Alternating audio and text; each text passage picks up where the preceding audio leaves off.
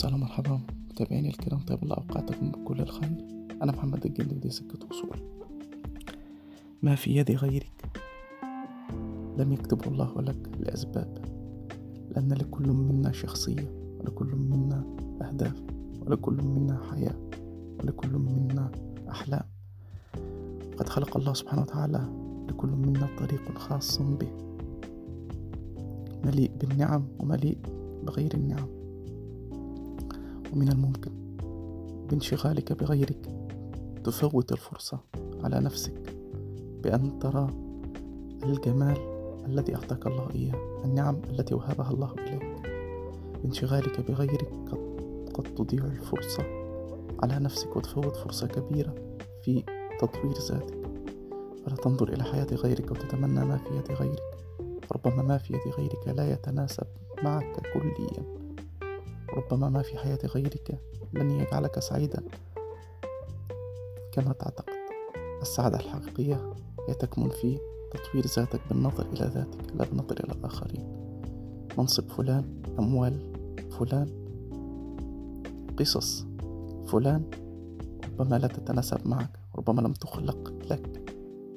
فكل خلق لما يسر فكل ميسر لما خلق له. وكل منا له أهداف وله طريق فاسعى تطوير ذاتك بذاتك. وهذا لا, وهذا لا يعني أنك لا تتمنى الخير لغيرك بل وتسعى إليه. ليس فقط أن تتمنى الخير لغيرك وأن ترى السعادة في حياتهم بل تسعى أن تساعدهم على إيجاد السعادة حتى ولو لم يصيبك منها شيء.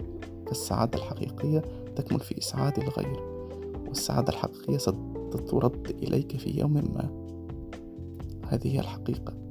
أنك إذا أردت إذا تمنيت وسعيت وأردت السعادة لغيرك ستعود إليك يوما ما وستكون سعيدا من حيث لا تحتسب لا تعلم من أين تأتيك السعادة ومن أين يأتيك الخير؟ مجرد أنك تمنيت لغيرك خيرا وسعادة فسيأتيك الخير وستأتيك السعادة.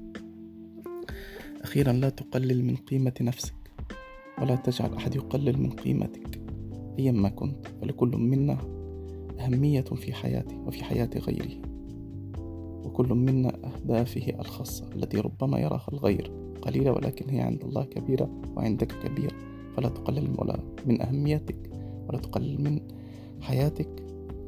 وتمنى الخير لغيرك ولا تنظر إلى ما في يد غيرك حتى لا تفتن وتضيع وقت وتضيع وتضيع أوقاتك السعيدة التي ستنحصر في مراقبة الغير ولن تجلب لك أي شيء إلا الهم والحزن والكآبة. انشغالك بنفسك يعني إسعاد نفسك بنفسك. طيب الله أوقاتكم. ده كان حكايتنا النهاردة. السلام عليكم. thank you